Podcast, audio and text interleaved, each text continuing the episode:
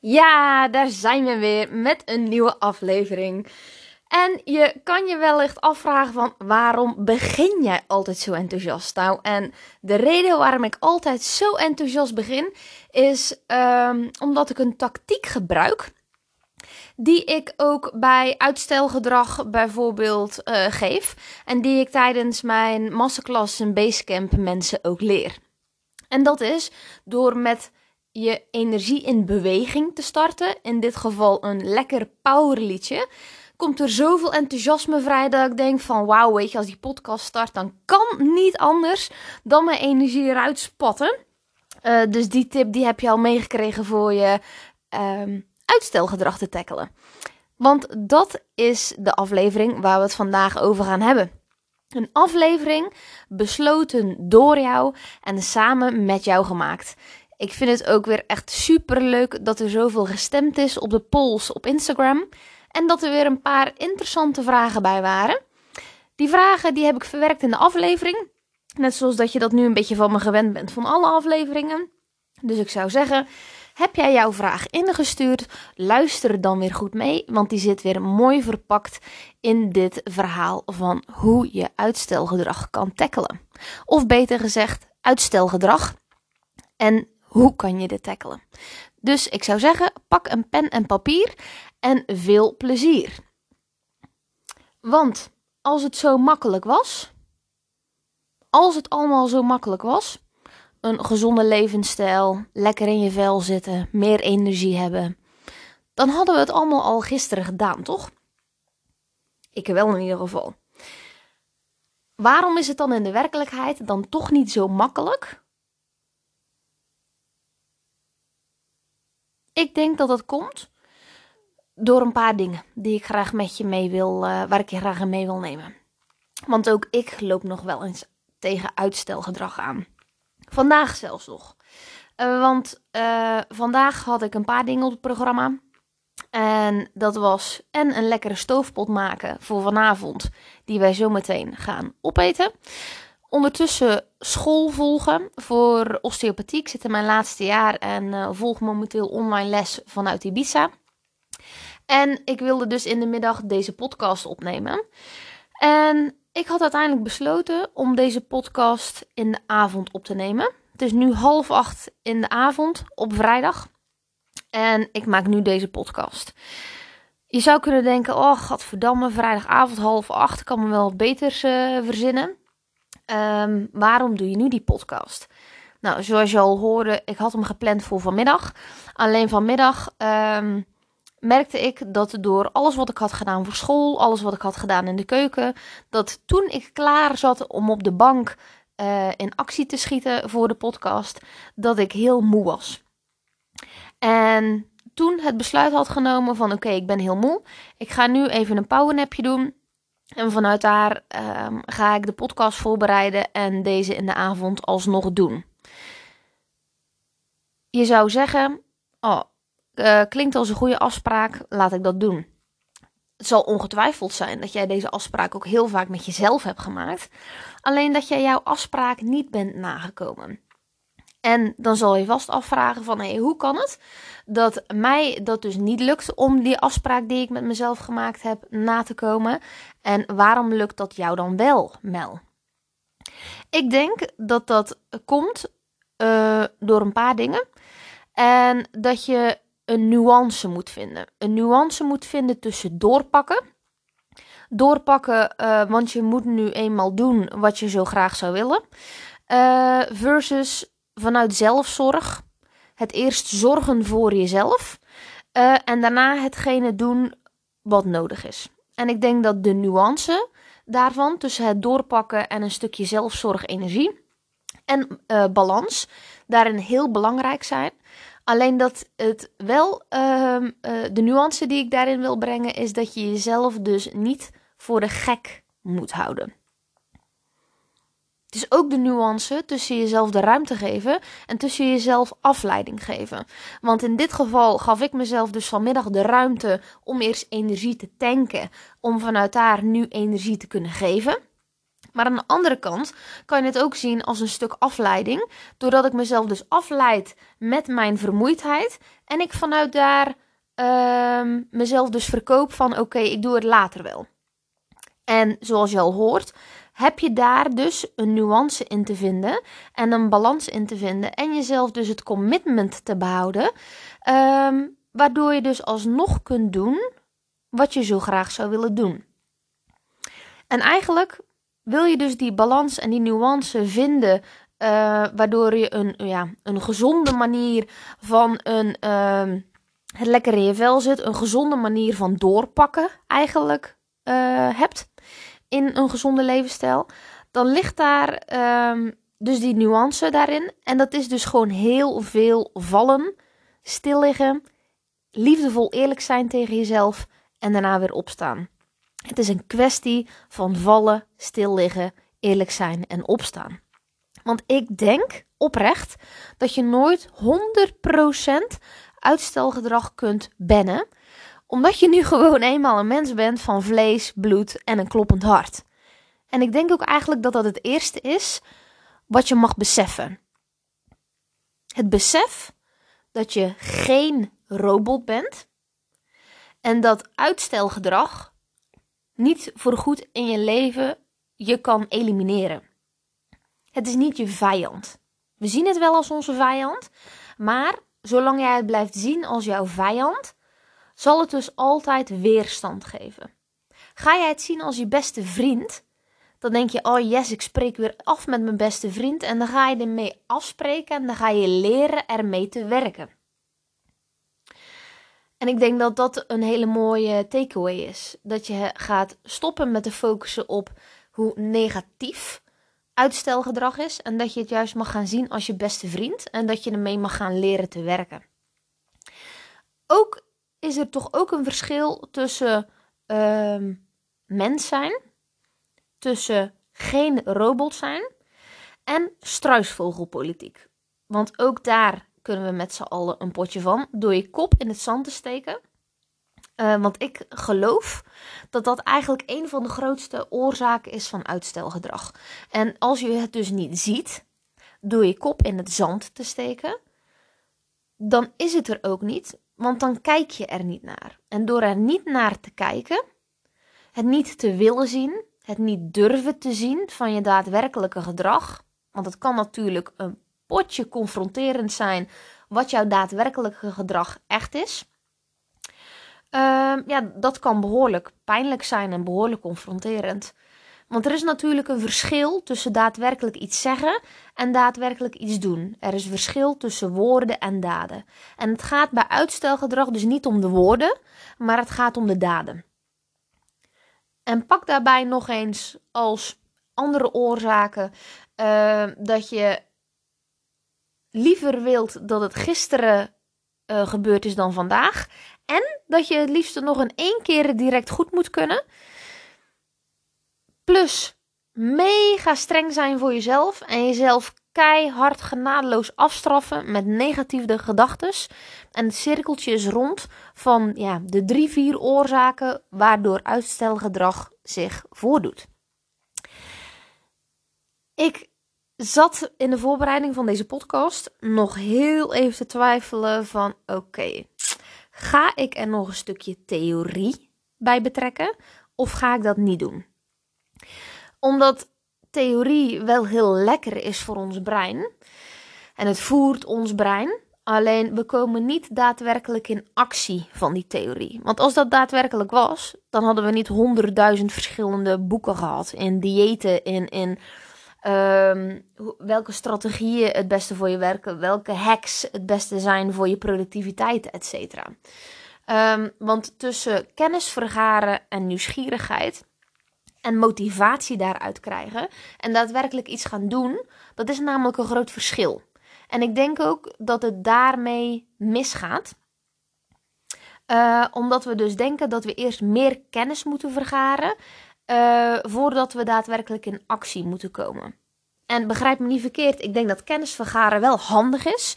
Maar ik denk dat je niet eerst kennis moet vergaren, maar ik denk dat je tijdens het vergaren van die kennis ook al daadwerkelijk in actie kunt komen. Het is niet eerst het ene en dan het andere. Ik geloof heel erg in en en.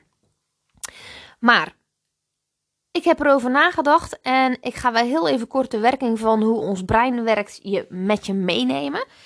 Uh, even heel kort, even een, uh, een vogel. Um, even een, geen vogel. Even een, uh, een NS High Speed train van Amsterdam naar, naar Antwerpen.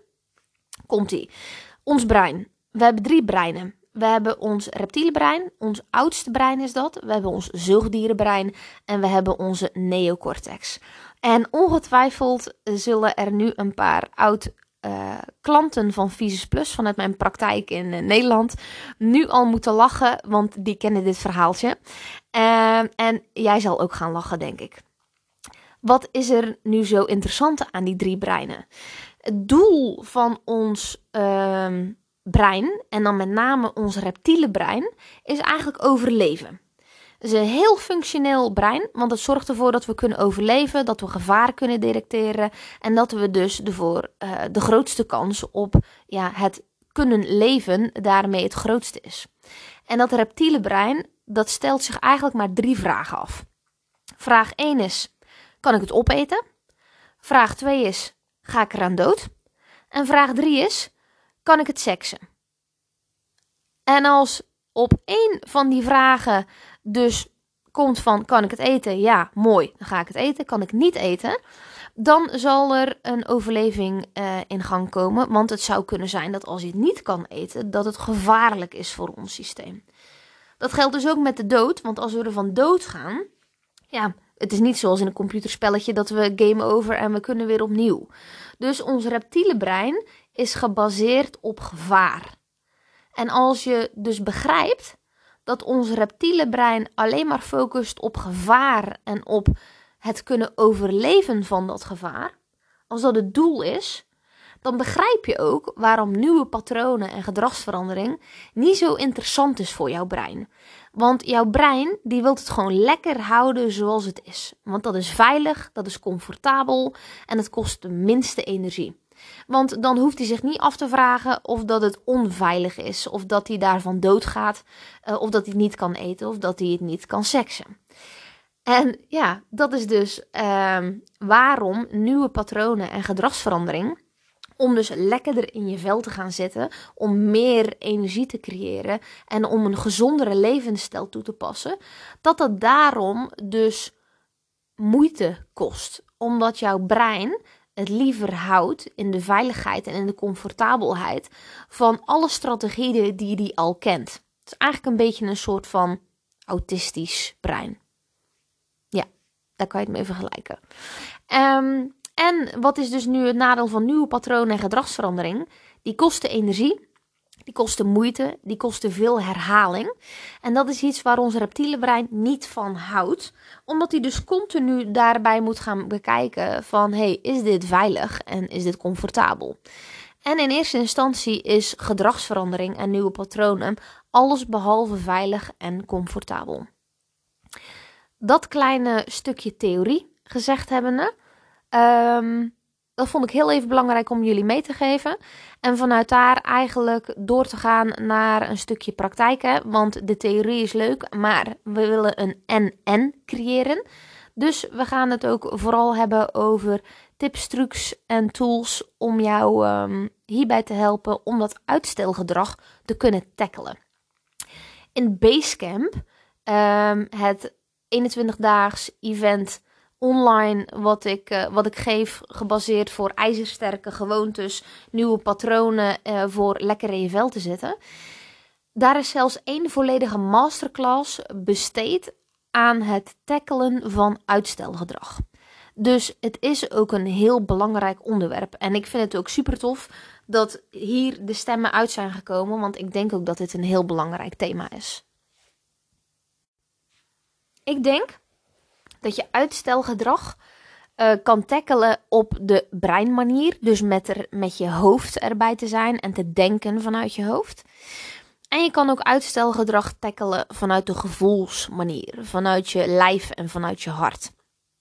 En ik geloof, net zoals bij ehm, wat ik hiervoor zei, ik geloof vooral in een win-win situatie. Dus niet of via het brein of via het hart, maar ik denk in en-en. Want alleen met je brein, door in je hoofd te zitten, door erover na te denken, lukt het niet om in actie te komen. En met alleen gevoel kom je wel een eind. Maar mis je toch ook een beetje richting, waardoor het ook weer energie kan verliezen. Dus ik geloof vooral in de win-win combinatie van zowel je brein daar uh, technieken in mee te geven voor je brein en technieken mee te geven voor je hart en je gevoel. En ik denk dat het makkelijkste is om eh, te beginnen met een, um, een breintactiek.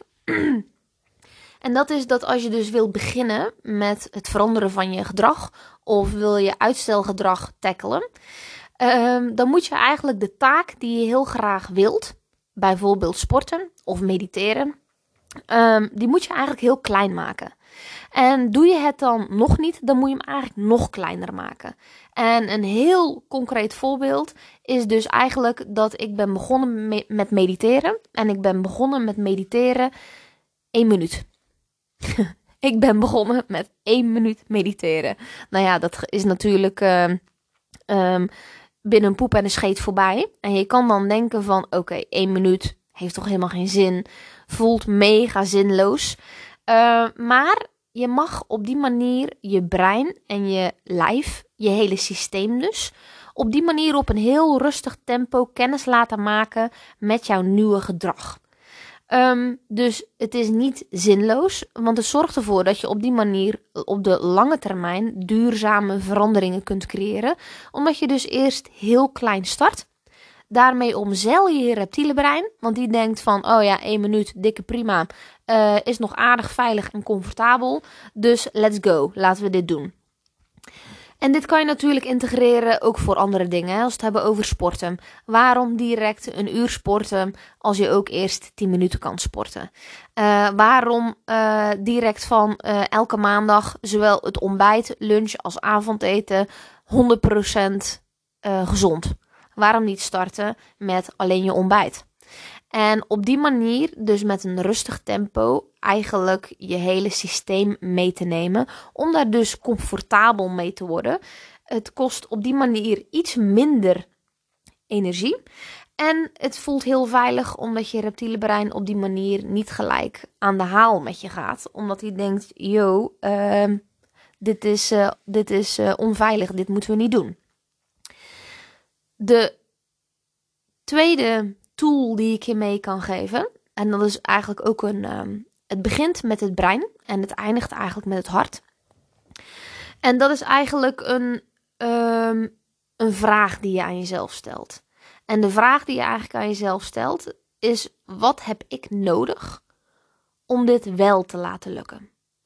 En wat je daarmee doet, is met het stellen van die vraag aan jezelf, is dat je heel even stopt in de red race van het leven je stopt even met het jezelf continu afleiden. Je haalt jezelf naar de voorgrond met je kop uit het zand en je focust op hoe het je wel gaat lukken. En dat zou bijvoorbeeld kunnen zijn dat je, ehm, net zoals wat ik vanmiddag deed, wat heb ik nodig om deze podcast te kunnen maken? En dat is dus eerst een powernapje doen, om hem vervolgens daarna met volle energie wel te kunnen doen. Dus wat heb jij nodig om jouw doelen, hetgene wat jij wilt binnen jouw gezonde levensstijl, wat heb jij nodig om het wel te kunnen? En dat kan heel simpel zijn, zoals dat je het kleiner gaat maken, maar het zou ook kunnen zijn dat je eerst gaat starten met het vragen van hulp hulp van familie of vrienden uh, of van je partner, uh, dat die wat taken van je overneemt, waardoor het je wel lukt. Uh, professionele hulp, waardoor je jezelf beter gaat leren begrijpen. Zoals bijvoorbeeld Basecamp dat zou kunnen doen, of dat je met specifiek coaching aan de slag zou gaan. Met, ja, dat zijn je opties. Maar focus vooral op hoe het je wel gaat lukken.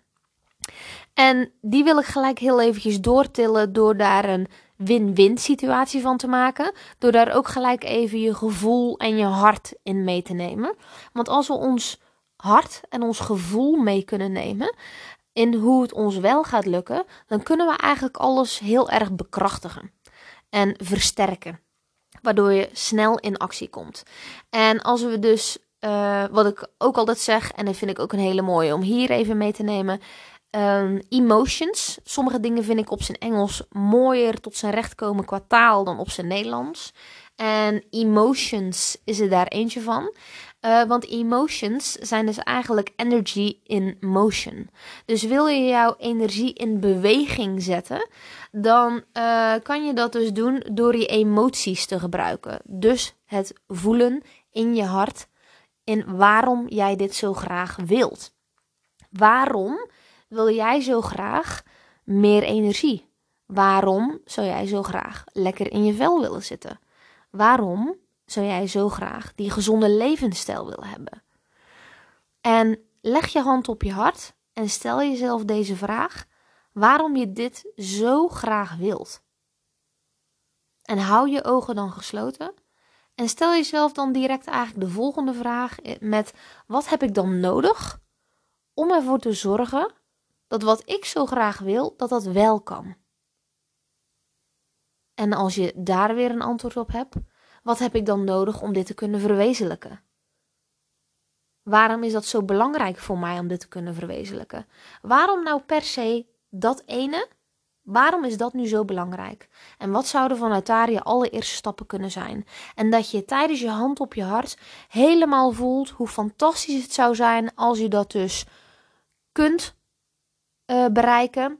Hoe het voelt voor je als je het al bereikt hebt waarom dit zo belangrijk voor je is. En dat je dat voelt in je hart van, oh wauw, ik vind het zo belangrijk om mijn hele familie te kunnen helpen. Om eh, andere mensen te kunnen helpen. Om ervoor te zorgen dat iedereen fit is, bijvoorbeeld. Um, en door dat gevoel mee te nemen, door je emoties mee te nemen, versterk je dus eigenlijk uh, alles wat er in je brein zit om dus wel in actie te komen. Dus emotions, energy in motion. Um, even weer terugkomen.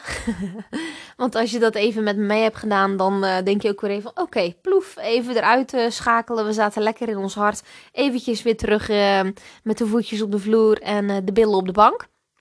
Um, want eentje die um, ook heel belangrijk is bij het tackelen van uitstelgedrag, is dat je te snel wilt. Je wilt te veel. En je wilt datgene in een te korte tijd. Dit is echt de klassieker. Ik zal vast niet de eerste zijn die dit tegen je zegt. En ook vast niet de laatste. Want ik mag mezelf er ook heel vaak aan herinneren. Want we hebben dat allemaal wel een beetje in ons. Die ongeduldige, uh, die ongeduldige tante. Maar je mag jezelf meer de tijd gaan geven. Want verandering kost nu eenmaal tijd. En als je jezelf die tijd niet geeft, dan is de kans op falen, die is best wel groot.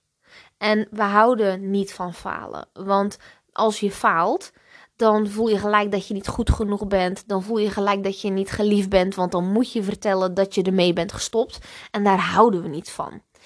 Maar doordat je dus niet houdt van falen, ga je dus stoppen. Omdat je dan continu wordt herinnerd aan dat gevoel. En dat is niet wat je wilt wat ik altijd doe, is dat falen je ook om kan denken. Uh, want falen is eigenlijk maar gewoon een drempeltje naar het succes wat je kan behalen. En elke keer als je dat drempeltje behaald hebt, dan ben je weer één stapje dichterbij je succes wat je zo graag wilt. En dat falen dus eigenlijk niet iets is wat negatiefs is, maar je hebt dus falen nodig om naar dat succes te kunnen gaan. Je hebt dat nodig. Dat vallen, dat stil liggen en weer terug op kunnen staan om naar dat succes te kunnen gaan. Dus elke keer als je vanaf nu het niet gehaald hebt, kan je denken van hey yes. Yes. Ik heb het niet gehaald. Ik mag hier dus eerst iets van leren. Dat is dus het stil liggen na het vallen. Om vanuit datgene wat je geleerd hebt weer op te staan en dat weer te integreren. Om ervoor te zorgen dat je de volgende keer wel succes behaalt. En als je dus niets geleerd hebt van je falen, dan moet je heel eventjes na gaan denken. Want wat dat eigenlijk betekent, is dat er een gebrek is aan creativiteit. Op het moment dat jij niets hebt geleerd van jouw falen, dan is er dus eigenlijk een gebrek aan creativiteit. Van één, je hebt niet nagedacht over wat je ervan hebt geleerd. En twee, je hebt niet andere manieren geprobeerd om erachter te komen hoe het jou wel gaat lukken. En dat is wat je hoort, hè? Ook al wat ik een paar keer eerder heb gezegd, vooral de focus op hoe het je wel gaat lukken. We focussen met name met z'n allen heel vaak op het negatieve, vanuit ons reptiele brein, of course. Want stukje overleven, uh, ga ik eraan dood, het is veilig, comfortabel, verandering is dat totaal niet. Dus het is heel normaal dat we dus focussen op negativiteit en focus hebben op dat het ons niet gelukt is. Maar door dus de focus te verleggen op hoe het je wel gaat lukken, heb je dus eigenlijk het vuurtje voor die creativiteit die je hebt. En kan je dus op andere manieren gaan onderzoeken van hey, hoe ga ik ervoor zorgen dat dit mij wel gaat lukken. Het is echt een part of the job om je creativiteit te gaan aanspreken. Op het moment dat jij dus nadat je op je bek bent gegaan even op de grond stil ligt, je in die creativiteit kan nadenken van hey, wat heb ik hiervan geleerd? Hoe kan ik ervoor zorgen dat het de volgende keer mij wel lukt? Dan kun je opstaan en kan je dat direct weer integreren. Klinkt heel easy. En in de werkelijkheid is het dat eigenlijk ook, zolang je jezelf de tijd geeft. Niet te veel wilt in één keer. Niet te snel het wilt. En ervoor zorgt dat je steeds kleine stapjes maakt. Een mooi concreet voorbeeld om hierin ook uh, eigenlijk even bij dit stukje tekst um, wat body te geven, is dus bijvoorbeeld ook het veranderen van je eetpatroon. Want je wilt zo graag gezonder gaan eten. De eerste vraag eigenlijk die daar altijd bij mij opkomt is: wat is gezond eten? En waarom wil jij gezonder eten? Want het gaat niet om het gezonder gaan eten. De laag zit namelijk vaak wat dieper wat je wilt. Uh, dus vraag je eerst af: één, wat is gezond eten? En twee, waarom wil je zo graag gezonder eten? En het derde uh, is hoe meer jij focust tussen goed eten en slecht eten, hoe meer slecht eten je wilt, omdat je daar de nadruk op legt. Dat is net zoals met het reptiele brein. Um, dus als jij dus focust om voeding in een categorie goed te doen en in een categorie slecht te doen, wat zal je brein altijd doen? Die zal altijd focussen op het negatieve. Dus als je deze gaat omdenken onder het mom van creativiteit, om dus om te denken zodat je niet kan falen. Ik zeg altijd: ga eens focussen op voeding die je daadwerkelijk voedt. Dus die al je cellen in je lijf, je organen, je spieren, je bloedvaten, je hersenen, um, allemaal voeden. In plaats van dat het je vult. En als we het hebben over voeding die je daadwerkelijk voedt, dan gaat je focus dus ook anders liggen, omdat voeding die jou daadwerkelijk voedt eigenlijk heel simpel is. Want dat is groente en dat is fruit. En die twee dingen, die voeden je systeem letterlijk en al het andere vult je systeem. Dus als jij je focus gaat leggen op het eten van groente en fruit en het meer eten van groente en fruit, dan is er geen goed of slecht, omdat je alleen maar denkt in producten die je systeem voeden. Ehm, dus ik denk dat dat ook een hele mooie is waar je mee aan de slag kan gaan om dus om te denken in voeding die je voedt. En die je ook kan meenemen is dat um, er ook veel mensen zijn die het idee hebben dat voeding die voeden niet makkelijk en niet snel kan zijn. Ik heb echt geen idee waar die gedachtenspinsels vandaan komen. Uh, maar je kan letterlijk binnen vijf minuten gezonde nasi op tafel zetten van bloemkoolrijst met een bak uh, nasi groenten, um, nasi kruiden. En je hebt je eten al op tafel. Dus ik denk dat je het in je hoofd en in je gedachtenpatronen ook weer hier moeilijker maakt dat het in de werkelijkheid is, omdat je zelfs binnen vijf minuten, en ik zou echt de timer zetten, wokpan aan, hoog vuur en uh, wokken die handel, dat je echt letterlijk binnen vijf minuten een gezonde, makkelijke en snelle maaltijd op tafel kan hebben. Zolang je kijkt in, en denkt in mogelijkheden en hoe je het voor jezelf makkelijk kunt maken, in plaats van dat je het jezelf weer moeilijk maakt. Deze die ik nu met je mee wil nemen, die je uh, uitstelgedrag kan tackelen. Ik heb nu namelijk een paar, ja, ik zeg trucjes aan je gegeven. En ik hou, als we het hebben over duurzame resultaten, ik hou niet zo van trucjes. Ik zat ook eigenlijk te bedenken van, hey, weet je, ik kan deze podcast binnen vijf minuten opnemen. Uh, op basis van wat ik nu ga zeggen. Maar dat vond ik een klein beetje te kort door de bocht. Dus ik wilde je wel wat concrete tips en trucjes geven. Maar hetgene wat ik nu ga zeggen is eigenlijk de allerbelangrijkste voor je uitstelgedrag te tackelen. En wat ik je ga zeggen is dat je mag stoppen met trucjes. En stoppen met struisvogelpolitiek. Als jij dus gaat stoppen met jezelf continu trucjes aan te bieden. En jij gaat stoppen met je kop in het zand te blijven steken.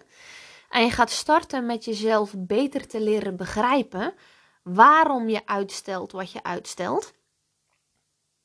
Door liefdevol, eerlijk in de spiegel te kijken naar jezelf. En jezelf antwoord te geven op die vragen. Ik noem het zelf dus altijd liefdevol eerlijk zijn naar jezelf in de spiegel. Want je kan heel goed eerlijk zijn naar jezelf, maar daardoor uh, jezelf kleineren. En heel jezelf helemaal negatief de put in praten. Een van de oorzaken waardoor uitstelgedrag ook natuurlijk plaatsvindt. Want het gaat mij toch niet lukken. Um, dat komt omdat je dus niet liefdevol eerlijk bent naar jezelf. En met liefdevol eerlijk bedoel ik dus eigenlijk een concreet voorbeeld. Je gaat niet jezelf in de spiegel aankijken en eigenlijk tegen jezelf zeggen van goh, wat ben jij mislukkeling en wat zie jij er lelijk uit vandaag.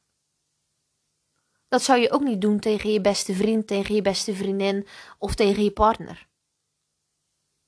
Wat je tegen je partner, je beste vriend of vriendin zou zeggen is van hey, ik zie dat het niet helemaal goed met je gaat. Je ziet er niet helemaal fit uit.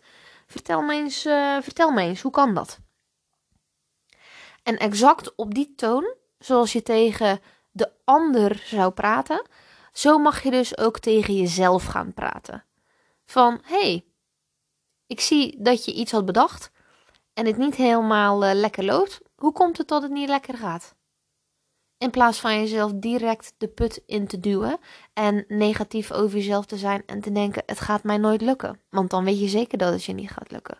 Dus stop met je kop in het zand steken Stop met trucjes en start met het liefdevol eerlijk zijn naar jezelf.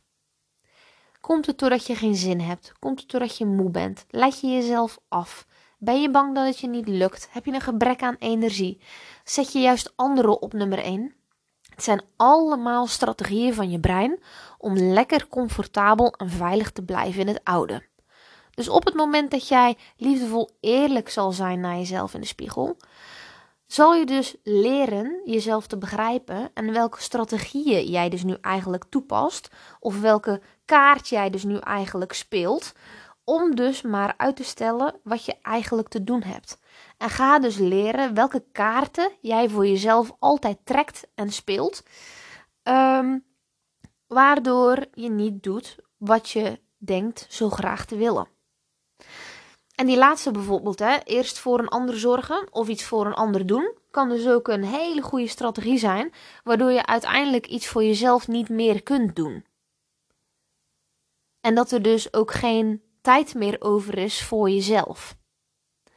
Dus ga leren jezelf te begrijpen welke strategieën jij hebt en jouw brein heeft, um, om dus uit te stellen van hetgene wat je zo graag wilt. En ik denk dat als je daarmee begint en dan de combinatie van alle uh, tools en trucjes die ik je geef, dat je vanuit daar continu uh, uitstelgedrag kunt gaan tackelen en je wel het commitment met jezelf aan kunt gaan en dat je ook kunt vertrouwen op het commitment wat je met jezelf aangaat.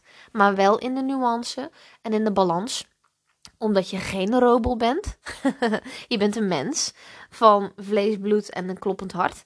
En dat het ook uh, jezelf continu leren kennen is veel vallen, stil liggen, eerlijk zijn en opstaan. Dus jezelf de tijd geven om jezelf beter te leren kennen. En de laatste die ik je mee wil geven, dat was eentje die voor mij ook heel krachtig was. Um, en waar ik dus ook mee wil afsluiten, is dus dat op het moment dat je iets aan het uitstellen bent, dat je je eigen moeder voor jezelf mag zijn. Of voor je eigen vader mag zijn.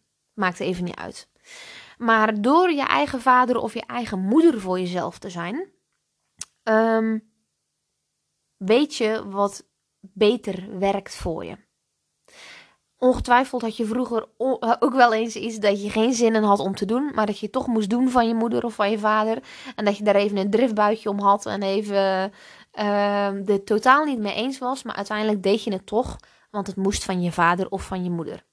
En daarna voelde je je toch vaak beter. En wees dus vaker de vader of de moeder voor jezelf, omdat je weet wat het beste is voor jou. Motivatie komt namelijk altijd achteraf en motivatie komt niet vooraf. Dat is iets wat we wel eens verwarren. En die motivatie, dat gevoel, dat zal dus altijd komen op het moment dat jij eerst de vader of de moeder voor jezelf bent. Om hetgene te doen wat het beste is voor je. En als je dat dan gedaan hebt, door bijvoorbeeld wel te gaan sporten, dan komt dat lekkere gevoel, dan komt die motivatie en dan ben je mega blij. En waarom ik dus nu eigenlijk die vader of die moeder benoem, is omdat je namelijk van jouzelf, ja, misschien wel honderd verschillende versies hebt. En een van jouw versies is ook jouw innerlijke kind. Jouw reptiele brein is bijvoorbeeld ook zo'n versie hè, van jezelf. Maar je innerlijke kind is dus ook een versie van jezelf. En um, wees dus de vader of de moeder voor je eigen innerlijke kind.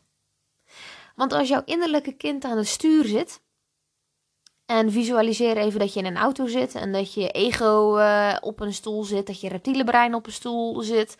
Uh, en, dat, um, en dat jij in je puurste vorm, waarin alles uh, vol vertrouwen en liefde zit, ook ernaast zit. En je zit met z'n vieren zit je in de auto. En als je dus je reptiele brein achter het stuur hebt zitten, ja, dan zal die dus veel meer vanuit angst kijken naar de weg. Heb je jouw innerlijke kind achter het stuur zitten, dan zal hij alleen maar doen wat hij op dat moment heel leuk vindt om te doen en lekker veel spelen. Um, heb je jouw um, ja, vader of moeder achter het stuur zitten, dan zal je doen wat het beste is. En heb je jouw zuivere versie, dan is dat eigenlijk mooi die balans tussen je vader en je moeder en je kind in jou. En wie wil jij dat er achter het stuur zit bij jou? Als jij dus continu die gedachten hebt dat het je toch niet gaat lukken, dan gaat het je namelijk ook echt niet lukken. Dat is echt dat reptiele brein van je. Um, want als jij daadwerkelijk gelooft dat het je niet gaat lukken, ja, weet je, dan gaat er ook niets gebeuren. En de vraag is: geloof jij echt dat het jou niet lukt? Of is dat gewoon het meest comfortabele en veilige voor jouw brein. Want die denkt alleen maar aan overleven en die wilt gewoon hetgene wat het meest veilige is. Dus op het moment dat jij die gedachten weer eens hebt, ga dan weer terug naar de techniek met je hand op je hart. Vanuit daar waarom je ook alweer doet wat je doet. Waarom je dit zo graag wilt. Neem dat terug om dat echt helemaal te voelen. En geloof en start bij dat geloven in dat je het wel kan. Want op het moment dat jij gelooft dat je het niet kan, dan zal je het ook daadwerkelijk niet lukken. Iets wat je reptiele brein heel graag wilt, maar iets wat jij niet graag wilt. Want jij wilt wel graag die gezonde levensstijl. Jij wilt wel heel graag lekker in je vel zitten. Jij wilt wel heel graag meer energie hebben. Jij wilt wel je uitstelgedrag kunnen tackelen. En dat kan alleen maar als je start met het geloven in dat het je daadwerkelijk lukt.